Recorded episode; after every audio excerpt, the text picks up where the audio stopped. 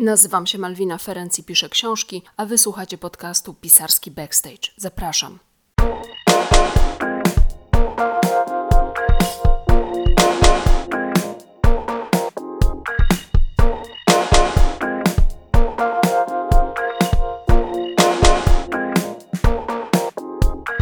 Dzień dobry, dzień dobry, dzień dobry. Nazywam się Malwina Ferenc, piszę książki. Mówcie o mnie rzemieślnik słowa, ja o sobie sama też tak mówię. Książek napisałam już 10, a obecnie powstaje 11, czyli mówiąc inaczej, jestem w pisarskiej ciąży. Ciąża zmierza rączynkusem w stronę zaawansowanej. Ponieważ e, już 12 odcinków tego podcastu e, zostało nagranych, gratuluję sobie, że tego dopięłam. Gratuluję słuchaczom, że cały czas mi towarzyszą. Dzięki ludzie, naprawdę.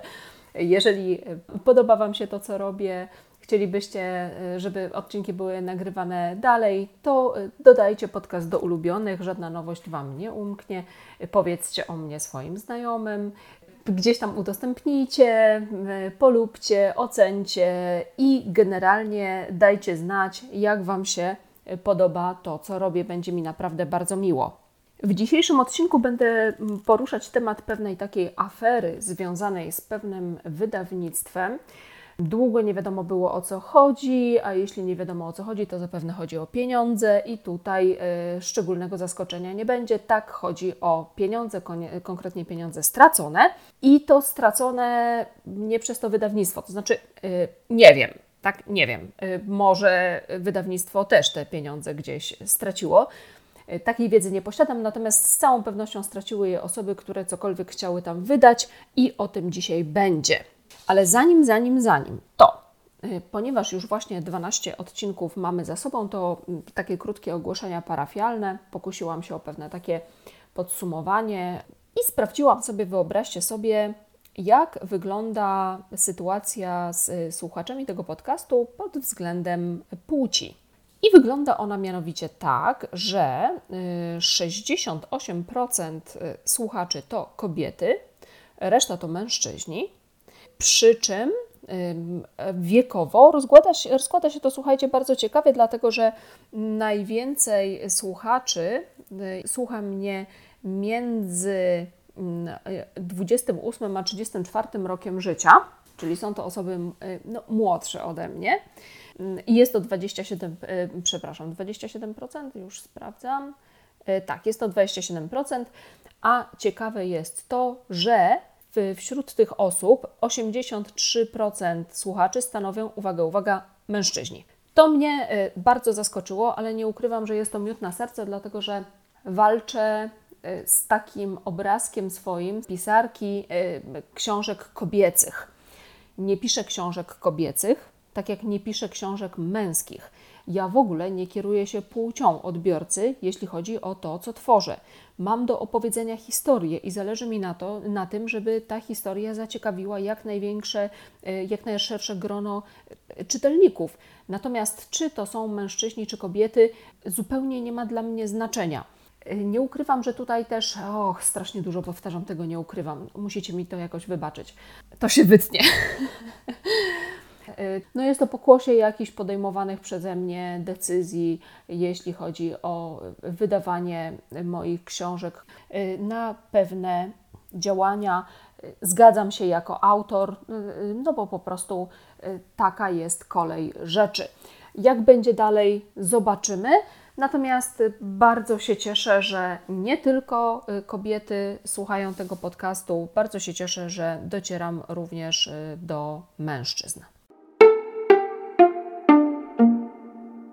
Przyjęłam sobie też taką zasadę, że będę dzielić się wrażeniami z tego, co ostatnio przeczytałam, przy czym ostatnio należałoby rozumieć bardziej w kontekście miesięcy niż tygodni albo dni, no ale po prostu nie da się robić wszystkiego, jeżeli każdą wolną chwilę poświęcam na pisanie książki, czyli zmierzanie ku porodowi tej jedenastej powieści, to y, nie mogę też tyle czasu poświęcać na czytanie, ile bym chciała. Nie jestem, nie jestem w stanie po prostu z, zrobić wszystkiego. A dzisiaj zamiast o tym, co przeczytałam, powiem Wam o tym, czego nie przeczytałam. Jakiś czas temu y, zrobiłam sobie takie noworoczne postanowienie i to już powinno mi zapalić czerwoną lampkę, bo na hasło noworoczne postanowienie wiadomo, że od razu wkrada się duże prawdopodobieństwo braku realizacji. No ale dobrze, zrobiłam noworoczne postanowienie polegające na tym, że w 2022 roku przeczytam y, książki wszystkich noblistek. Wbrew pozorom zadanie wcale nie jest takie skomplikowane ze względu na to, że wyobraźcie sobie tylko 16 y, kobiet na przestrzeni tych 100 lat z kawałkiem otrzymało literacką Nagrodę Nobla. Więc wydawało się, że jest to zadanie naprawdę z gatunku takich, że y, idę sobie po linii najmniejszego oporu. Otóż nie, bo okazuje się, że część noblistek w ogóle nie została przetłumaczona na język polski. Mm, książki części są y, naprawdę trudno dostępne, także obecnie kupić ich nie można, gdzieś tam trzeba wygrzebywać po bibliotekach, a jak mam być szczera, to już na tyle mi motywacji nie starczyło. A część y, można gdzieś tam zdobyć, nawet sobie wyszukałam je tylko jedna noblistka, to znaczy nie licząc oczywiście Olgi Tokarczuk, ale tylko jedna noblistka została, y, jej książka została y, uwieczniona w postaci audiobooka. Jest to Selma Lagerlof. Natomiast Dlaczego o tym mówię? Dlatego, że y, w tym roku literacką Nagrodę Nobla zdobyła Annie Ernaux. E, Annie Ernaux jest francuską urodzoną w 1940 roku, no i z tej okazji, e, to znaczy nie z okazji jej urodzin, oczywiście tylko z okazji takiej, że dostała Nagrodę Nobla, e, zapytałam się na Instagramie, rozpisałam taką sondę, czy ludzie cośkolwiek słyszeli o Ani Ernaux. I odpowiedzi były takie. Czytałem Ernaux zanim było to modne, pierwsze słyszę, coś gdzieś dzwoni, ale to chyba kurier i znam, znam. Otóż 80% stwierdziło, że y, pierwsze słyszę, 2% y, znam, znam, 5% czytałem Erno zanim było to modne, ale jak mam być szczera, to nie wiem, czy to nie jest taki troszeczkę odpowiedź na zasadzie takiej odpowiem inaczej niż wszyscy. Y, no i 5, nie przepraszam, nie 5%, tylko 12% coś gdzieś dzwoni, ale to chyba kurier. Dlaczego o tym mówię? Dlatego, że zostały do tej pory w Polsce wydane tylko dwie książki Ani Erno, a ja nie miałam pojęcia o istnieniu tej osoby. Y, mówię o tym dlatego, że mm, w Polsce y, mm, tłumaczy się i wydaje u nas mnóstwo y, literatury klasy Z, już nie mówię BCD, ale klasy Z. Są to jakieś thrilleropodobne twory, inne przepraszam za wrażenie, ale kupy, a taka pisarka jak e, Ani Ernaux e, jest totalnie nieznana, kompletnie nieznana. I e, tak naprawdę to dopiero ta Nagroda Nobla otworzyła jej drzwi na polski rynek. No, Ani Ernaux dołącza do grona noblistek, z, której, z których książkami muszę się zapoznać i chcę się zapoznać. No, nie chcę mówić, że jest to plan na rok 2023, bo zapewne to nie wypali, ale ogólnie taki jest plan. Dobrze, mm, miało być o aferze, więc co z tą aferą? Jakiś czas temu moja koleżanka na Instagramie przesłała mi y, tak, taki cynk w prywatnej wiadomości, że oto właśnie coś wybuchło.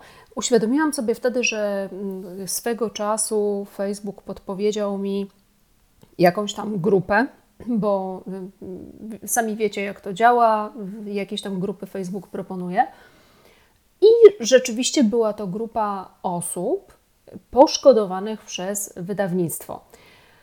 Nie mam pojęcia, dlaczego akurat mi to proponowano. Absolutnie przez żadne wydawnictwo poszkodowana nie jestem.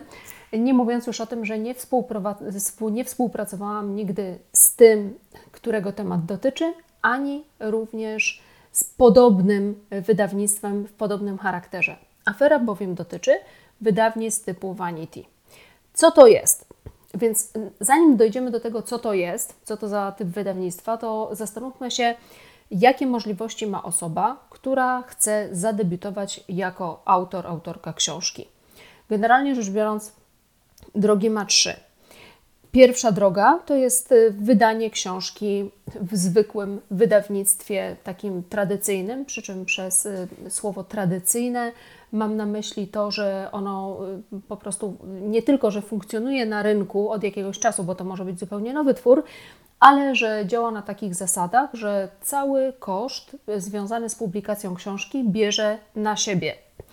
Co to dla autora oznacza? No, oznacza to, że on może liczyć i tutaj posłużę się takimi widełkami, o których mówiłam też w odcinku związanym z zarobkami pisarzy, ile pisarze zarabiają i jak to robią. No więc y, taki pisarz może liczyć na honorarium, które się określa jakiś, jako jakiś procent y, ceny zbytu bądź też zysku wydawcy. Uwaga, uwaga, to jest zupełnie co innego niż cena okładkowa książki. O tym właśnie w tamtym odcinku jest. No i teraz o tych widełkach. Widełki tak bardzo, bardzo szeroko rozstrzelone są między 10 a 20%. I y, taka osoba wysyła swoją propozycję wydawniczą do y, danego wydawnictwa, takie jakby no, przedstawia się w pewien sposób. Wydawnictwo odpowiada albo i nie. Jeżeli odpowiada, podpisuje się umowę. W umowie jest zawarte, ile egzemplarzy danej książki zostanie wydrukowane. I tutaj się zatrzymajmy chwilę bo to jest bardzo istotna informacja. Otóż mm, taki debiutant zasadniczo może liczyć na y, mm, druk w ilości 3 do 5 tysięcy egzemplarzy. To oczywiście nie wyklucza do druków i nie wyklucza, nie wiem, drugich wydań czy czegoś w tym stylu, ale niekoniecznie te dodruki się pojawią. Wszystko zależy od tego, jak książka będzie się sprzedawać. Jeżeli już ktoś ją wydaje, to założenie jest takie, że ona jakiś potencjał sprzedażowy ma. I teraz wróćmy do tych egzemplarzy. 3-5 tysięcy egzemplarzy, czy to dużo, czy mało? W dzisiejszych czasach jest to bardzo mało. Wobec tego niezwykłego zalewu pozycji wydawniczych, które są na rynku, jest to bardzo mało. Co nie oznacza, że nie będzie jeszcze mniej, dlatego że cena papieru drastycznie poszła do góry. Mówi się o podwyżkach rzędu 100%, więc to siłą rzeczy musi się odbić na y, ilości publikowanych egzemplarzy, musi się odbić na y, sposobie działania wydawnictw. No, nie ma innej możliwości. To więc na pewno nastąpi jakaś korekta w tym zakresie, aczkolwiek y, do tej pory te umowy opiewały na 3-5 tysięcy egzemplarzy, czyli mniej nie zostanie wydrukowane. To, to, czy tyle się sprzeda, to jest inna sprawa, ale zostanie wydrukowane właśnie tyle. Jaki to oznacza zysk dla debiutanta? Mówię tutaj już o takim zysku netto, to co pisarz dostanie na swoje konto. No w zależności od tego, ile się tego sprzeda, to może być y, około kilku tysięcy złotych. Także jak widzicie, y, zarobek oszałamiający nie jest. Jest w zależności od tego, ile kto włożył w to w pracy, no powiedzmy, mówiąc e, potocznie, nie urywa. Kolejnym problemem jest to, że trzeba się przebić przez bardzo gęste sito, bo wyobraźcie sobie, że takie duże wydawnictwa otrzymują tygodniowo, podkreślam, tygodniowo kilkadziesiąt propozycji wydawniczych co najmniej kilkadziesiąt propozycji wydawniczych, czyli dziennie ich wpływa kilka, dziesięć, kilkanaście. I to są książki, które y, w ogromnej większości kompletnie do niczego się nie nadają, nie nadają się do druku, y, nie przedstawiają sobie absolutnie żadnej wartości, nawet na tak obniżone standardy, jakie są obecnie na rynku literatury gatunkowej. I teraz, y, jaka jest szansa, że ktoś się przez to przebije? No, no właśnie, no jaka jest szansa? No przecież wyobraźcie sobie ten przerób. Trzeba po prostu armii ludzi do tego, żeby prześledzić te wszystkie maile z propozycjami wydawniczymi, odsiać to, ocenić i tak dalej. Więc y, nic dziwnego, że ogromna, ogromna rzesza ludzi chcących zaistnieć jako autor, autorka książki, tego sita po prostu nie przechodzi. I co w związku z tym? No i w związku z tym pojawiają się dwie kolejne możliwości.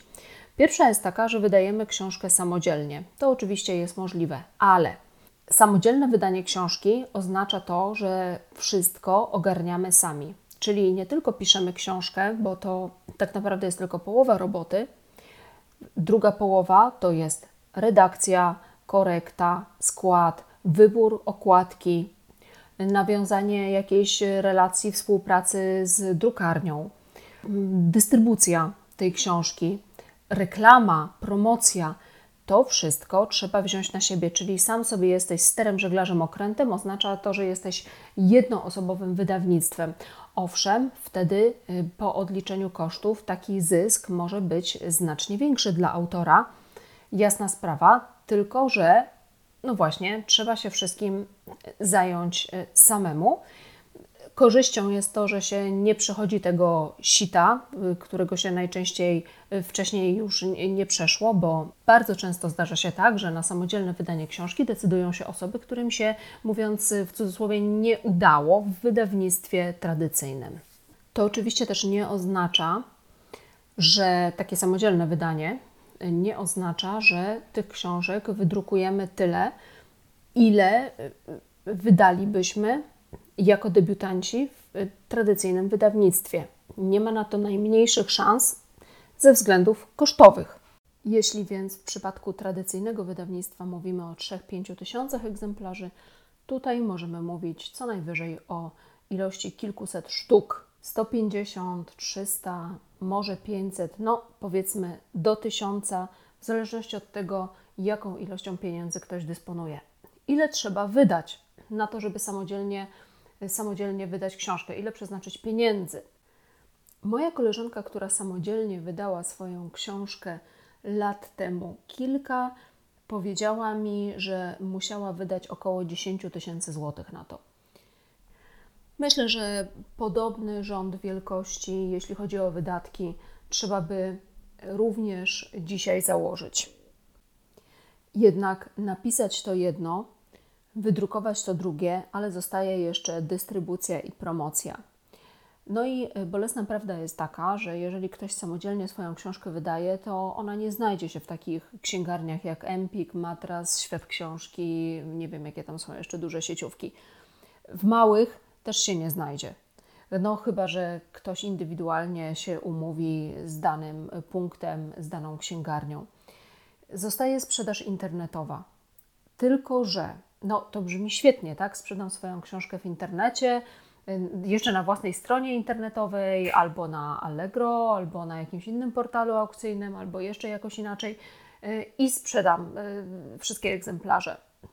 Brzmi to być może fajnie, ale polski rynek wydawniczy jest tak skonstruowany, że jak spotkałam się z pewnymi statystykami, około 80% książek sprzedaje się stacjonarnie. Mało tego, są to zakupy okazyjne. To, co słyszycie w tle, to mój pies. Mój pies wziął właśnie moje kapcie i przystępuje do intensywnej zabawy. Co to znaczy sprzedaż okazyjna?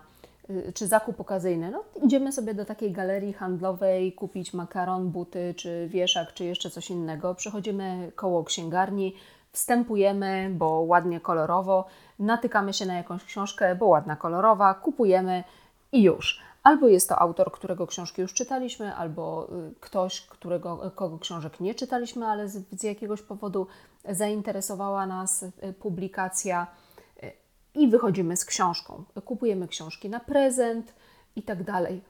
Na sprzedaż internetową przypada tylko 20%.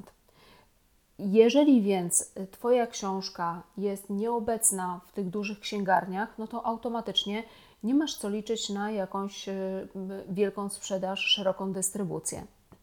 Ponieważ nie będzie tej wielkiej sprzedaży i szerokiej dystrybucji, tak należałoby założyć, takie jest największe prawdopodobieństwo, to również ta droga do sławy staje się kręta i wydłużona. A powiedzmy sobie szczerze, że tu naprawdę chodzi o coś takiego jak popularność. Jeżeli ktoś pis chciałby pisać tylko do szuflady, no to nie bawiłby się w tą całą zabawę, y, wydawanie książek, ponoszenie kosztów, angażowanie czasu swojego, innych itd. Tak Jeżeli ktoś już chce wydać książkę, to chce, żeby przeczytało ją jak najwięcej osób. To jest oczywista oczywistość, jak powiedziałby klasyk.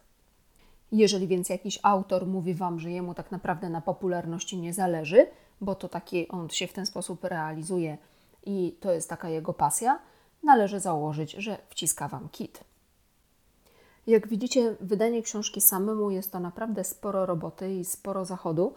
Nawet jeżeli część działań przejmą od nas profesjonaliści, no to po prostu y, jest nad czym się pozmużdżać, mówiąc potocznie. Dlatego rysuje się przed człowiekiem trzecia droga. I ta trzecia droga to są właśnie wydawnictwa Vanity, o których powiedziałam Wam wcześniej. O co chodzi? Są to takie podmioty, które mówią: Drogi pisarzu, wydamy Ci książkę, jeśli nam za to zapłacisz. Albo na przykład, drogi pisarzu, wydamy Ci książkę, jeżeli częściowo za to zapłacisz, my część kosztów bierzemy na siebie. Co może być kuszące dla takiej osoby, która chciałaby zaistnieć? No przede wszystkim to, że nie przebija się przez żadne gęste sito. Mało tego, często tego sita nie ma w ogóle. Y, tutaj będę się opierać, mówiąc o tym zjawisku, y, na takich artykułach, które napisał pan Marcin Zwierzchowski, to jest taki krytyk literacki. Bardzo y, odpowiadają mi artykuły pisane przez pana Marcina. Jestem jego fanką. Panie Marcinie, pozdrawiam pana, choć nie sądzę, żeby pan to kiedykolwiek odsłuchał. Otóż pan Marcin w jednym ze swoich artykułów na swojej stronie internetowej napisał o takim eksperymencie, który, którego podjął się pisarz i tłumacz Paweł Polak. Y, pan Paweł jako Adam Sobieski rozesłał coś, co miałoby być próbką powieści do kilku wydawnictw Vanity. Y, z tym, że to, co miałoby być próbką powieści, było nieprawdopodobnym gniotem. To była masakra. Fatalnie napisana, totalna grafomania. Pomimo tego w kilku miejscach y, nie miał absolutnie y, żadnych problemów z tym, żeby zaproponowano mu współpracę, oczywiście za jego pieniądze, wiadomo. Y, a najszybszy kontakt nastąpił po zaledwie dwóch godzinach. Rzecz absolutnie nie do osiągnięcia, jeżeli mówimy o tradycyjnych wydawnictwach. Czyli nieprzebijanie się przez sito to jest jedna korzyść. Druga jest taka, że rzeczywiście takie wydawnictwa część działań biorą na siebie. Jaka to jest część, no to już zależy od umowy między podmiotami. Może to być tak, że pisarz po prostu opłaca y, działania związane z redakcją, korektą, składem, z tymi technikaliami, jeśli chodzi o książkę. Wydawnictwo bierze na siebie y, promocję i dystrybucję. Więc od tego, y, jaki jest podział tych kosztów i czy ten podział w ogóle jest i jaki jest zakres działań, zależy to, ile za takie wydanie książki na wpół własnym sumtem się płaci. No i są to y, koszty podobne do tych, które y, byśmy ponieśli wydając książkę samemu. Są to koszty rzędu kilku tysięcy złotych do powiedzmy dziesięciu, kilkunastu tysięcy złotych. Wszystko zależy od tego właśnie jaki jest podział kosztów i o ilu egzemplarzach jest mowa. A o ilu egzemplarzach jest mowa? No i tutaj też jest bardzo różnie.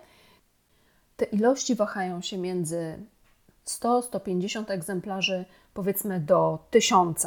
Jeśli mówimy o 1000 egzemplarzy, no to już należy, należy się liczyć z kosztem rzędu kilkunastu tysięcy złotych. Czasami ten koszt przekracza 10 tysięcy, nawet wtedy, kiedy tych e, egzemplarzy jest e, znacznie mniej. Co można z tym zrobić? Oczywiście takie wydawnictwa jak pisze pan Marcin w swoim artykule, chwalą się szerokimi możliwościami dystrybucji, ilość tam punktami sprzedaży, kontaktami w mediach itd. Tak Ale o jakiej dystrybucji, y, jeżeli nawet są to tysiące punktów na terenie całego kraju, o jakiej dystrybucji można mówić, jeżeli drukujemy 150 egzemplarzy? 3000 czy 5000 egzemplarzy wydrukowanych w tradycyjnym wydawnictwie to jest bardzo mało, a 150 tysięcy 150 egzemplarzy, to jest nic. Z tym się nie zrobi absolutnie nic. I jeżeli ktoś myśli, że jest to droga do zrobienia aż oszałamiającej kariery, no to najprawdopodobniej nie jest, bo z przyczyn technicznych nie będzie to możliwe. Tej książki nie da się po prostu dystrybuować tak, jak mogłaby wyglądać dystrybucja książki wydanej w tradycyjnym wydawnictwie. Zresztą tam też nie jest jakoś szczególnie różowo, bo y, nie wiem, czy wiecie, ale jeżeli wchodzicie do jakiejś księgarni i natykacie się w progu na stolik z książkami, na, których, na którym leżą określone tytuły, to to, jakie tytuły tam się znajdą, zależy właśnie od tego, jaką ma się podpisaną umowę, to znaczy jaką umowę podpisuje wydawnictwo z daną księgarnią. Inaczej mówiąc, po prostu wydawnictwo płaci za to, żeby te książki były wyeksponowane i eksponuje akurat takie tytuły, które mają większą szansę się sprzedać. Jeżeli Twój tytuł nie jest taką książką, no to po prostu ona będzie owszem w księgarni, ale gdzieś tam z tyłu na półce pod taką literą, y, jaką y, nosi Twoje, y, jaka jest pierwsza litera Twojego nazwiska. Czyli jest też wysokie prawdopodobieństwo, że książka nawet istniejąca w tradycyjnej księgarni przejdzie niezauważona. I tu mówimy o sytuacji, kiedy wydawnictwo zobowiązuje się do wydruku 3-5 tysięcy egzemplarzy. Co można powiedzieć wtedy, kiedy zobowiązuje się do wydrukowania 300? Możecie sobie wyobrazić, e, jak to wygląda. Bywa też i tak, że sama promocja tej książki odbiega od tego, co e, te wydawnictwa głoszą. To znaczy, jeżeli mówimy o kontaktach z mediami i tak dalej, często zdarza się, że jest to powiedzmy Y, notka prasowa wysłana do y, danej rozgłośni radiowej czy do danego czasopisma, do, do jakiegoś y, odbiorcy. To jest jedna rzecz. Druga rzecz, dystrybucja. Takie książki, nawet jeżeli są, trafiają do sieciówek takich znanych, znanych marek, to po prostu najczęściej sprzedawane są niestacjonarnie, no bo przecież tych egzemplarzy jest znikoma ilość, niestacjonarnie, a internetowo. I znów, to jest to, co powiedziałam wcześniej, 80% książek sprzedaje się okazjonalnie, y, stacjonarnie.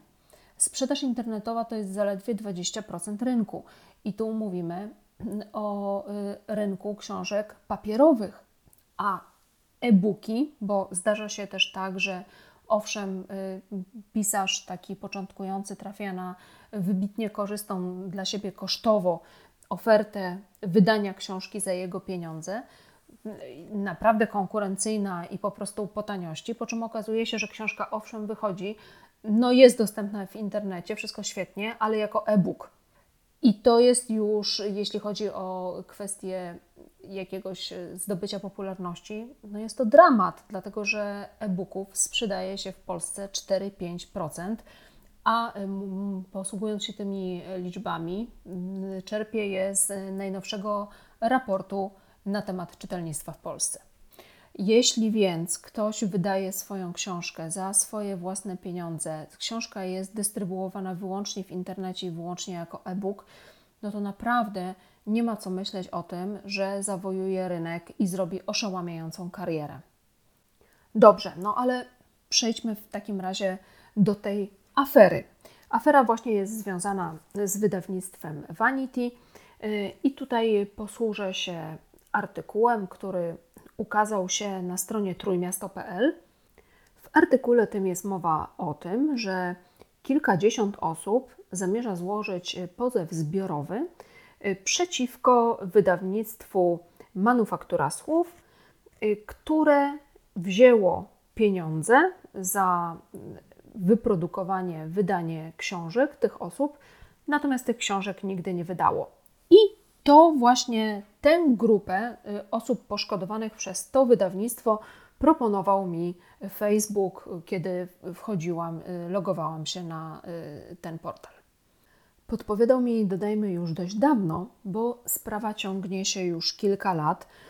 Pierwsze osoby oszukane mm, mówiły o tym, że są oszukane już w 2019 roku, czyli 3 lata temu. Od tego czasu pojawiały się kolejne osoby wykorzystane przez y, to wydawnictwo.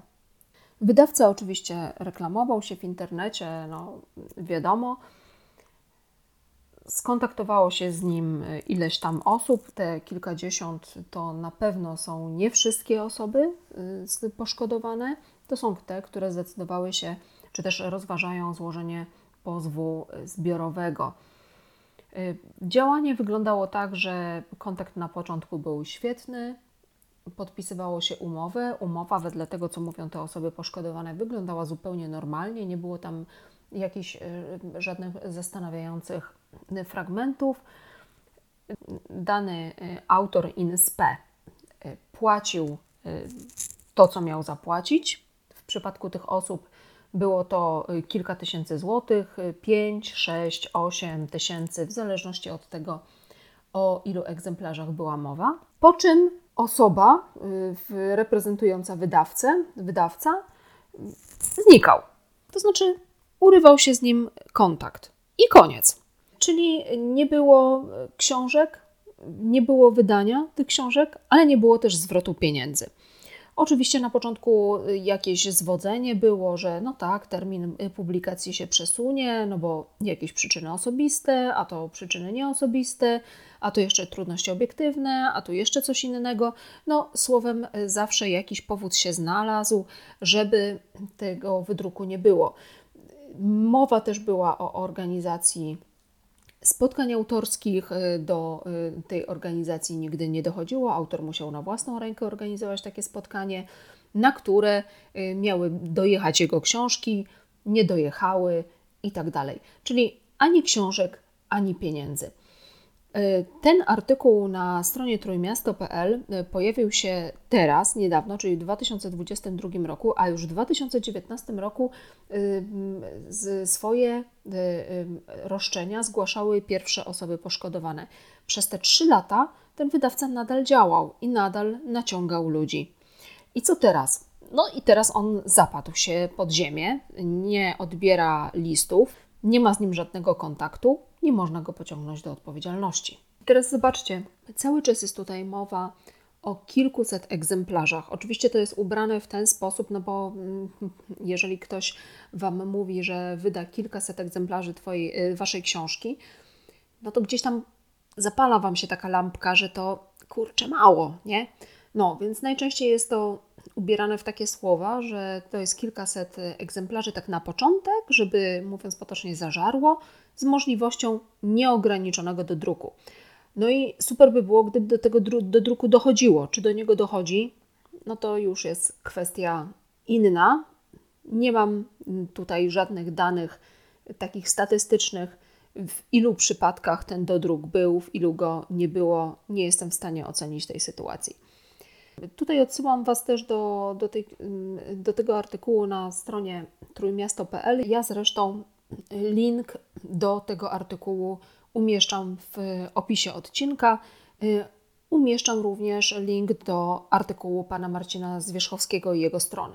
Aha, no i podlinkowuję Wam również y, profil y, pana Marcina na Facebooku. Będziecie mogli sobie zajrzeć.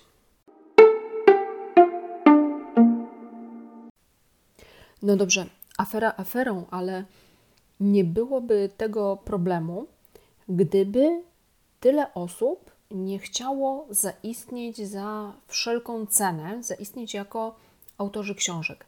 Dlatego zaciekawiło mnie, skąd właśnie ta potrzeba i co jest przyczyną tego, że y, właśnie odpowiedzią na zapotrzebowanie tych osób są takie y, instytucje jak wydawnictwa Vanity.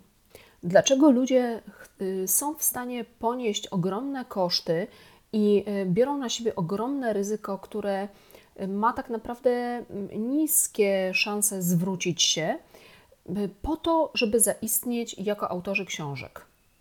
Wydaje mi się, że jest kilka takich czynników, ale oczywiście to jest moja interpretacja sytuacji i można się nią, z nią nie zgadzać. Y, po pierwsze, myślę, że bycie autorem oznacza z automatu prestiż. Jednak jest to taki zawód, jeśli mogę, mogę to określić zawodem, jest to takie zajęcie w życiu, które spotyka się z dużym, bardzo pozytywnym odbiorem. No, generalnie ludzie podziwiają pisarzy. Wydaje mi się więc, że osoby, które za wszelką cenę chcą zaistnieć y, na tym polu, mogą mieć w sobie coś takiego jak bardzo silną potrzebę takiego prestiżu, uznania ze strony innych. Napisanie książki jest też synonimem jakiegoś sukcesu życiowego. No, y, wiecie, do, dowiezienie do końca czegoś, co ma powiedzmy 400 czy 500 stron, wymaga wytrwałości. A obecnie w takiej kulturze obrazkowej, takiej, która chce mieć no, olimpijskim sposobem szybciej, wyżej, mocniej, zwłaszcza szybciej, że coś, co osiągamy, ma być osiągnięte natychmiast, efekt ma być spektakularny, no to jednak pisanie takiej książki automatycznie implikuje to, że dana osoba jest właśnie wytrwała, cierpliwa y, i posiada wiele cech takich, które inni też również chcieliby y, posiadać. Więc wydanie książki jest mm, rozumiane jako, no proszę, ta osoba coś w życiu osiągnęła. Wydaje mi się też, że może tu mieć coś do y, powiedzenia taka potrzeba wybicia się ponad przeciętność i pokazania, że jest się innym niż wszyscy. To jakoś tak przejawia się na wielu polach, takie, taka potrzeba wybicia się z tej szarej masy bezimiennej. Niekoniecznie jeśli chodzi o pisanie książek, ale tutaj można by było, tak mi się wydaje, takie podłoże również odnaleźć. Myślę sobie też, że jest taka duża potrzeba uznania ze strony innych, takiego mm, nieukrytego, ale takiego jawnego uznania ze strony innych, y, potrzeba zrobienia efektu wow i wywarcia wrażenia na innych. Napisanie książki z pewnością taką możliwość y, daje. Tym bardziej, że sama czynność, czy też efekt tej czynności, książka jako taka, jest odbierana niezwykle pozytywnie. Możemy mieć też do czynienia z chęcią udowodnienia swojej wartości w oczach innych. Jeżeli ktoś y, nie uważa, że jego poczucie własnej wartości jest niezależne od oceny innych, może dążyć do tego, żeby y, tę swoją wartość y, sprawdzić, a najlepiej to sprawdzić właśnie robiąc coś spektakularnego. I tak jakby w opozycji do tego, co powiedziałam przed chwilą, inną przyczyną może być przekonanie o wyższej wartości, taka postawa narcystyczna, która mm, no, dąży do tego, żeby wywrzeć wrażenie na innych, ale nie po to, żeby udowodnić swoją wartość, tylko wprost przeciwnie.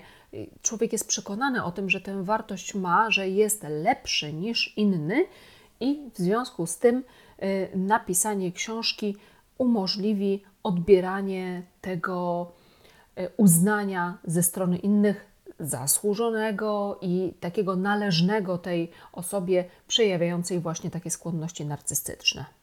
I ostatnia rzecz, która mi przychodzi do głowy, to mm, taki błąd poznawczy. Mm, to jest takie przekonanie o tym, że publikacja książki w prostej drodze prowadzi do sławy, a sława w prostej drodze prowadzi do pieniędzy. No to niestety tak nie jest. Ja o tym mówiłam w odcinku o tym, jak zarabiają pisarze i ile zarabiają. Y, I naprawdę y, wy, wypuszczenie na rynek 150 egzemplarzy, czy nawet 300 egzemplarzy y, książki absolutnie nie prowadzi do sławy. Nie ma takiej opcji i nie ma z tego pieniędzy. Zresztą to nie jest tak, bo wiecie, jesteśmy karmieni takimi obrazkami, często widzianymi w mediach społecznościowych, znani pisarze, ścianki, nieścianki, bestsellery, setki tysięcy sprzedanych egzemplarzy, wille z basenem itd. Tak e, takie przypadki oczywiście są. Są pisarze, którzy są bardzo bogatymi ludźmi, jasna sprawa, ale to są wyjątki, to są jednostkowe sytuacje.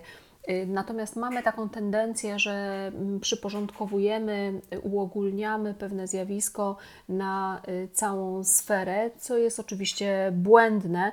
Wyciągamy stąd też błędne wnioski, że też będziemy mieli szansę jak najbardziej się wybić. Być może takie sytuacje też się zdarzają y, i czego dowodzą kariery osób, które, hmm, cóż, totalnie nie umieją pisać, tylko znalazły się we właściwym miejscu i we właściwym czasie, jak na przykład y, autorka 50 twarzy Greya, która jest książką po prostu koszmarną i y, ona naprawdę nie umie pisać, ale y, zbieg różnych wydarzeń doprowadził do tego, że, że ona po pierwsze spektakularnie debiutowała, a następnie dorobiła się niesamowitych pieniędzy. Ale jeszcze raz podkreślam, to są absolutne wyjątki, to nie jest reguła w środowisku pisarzy.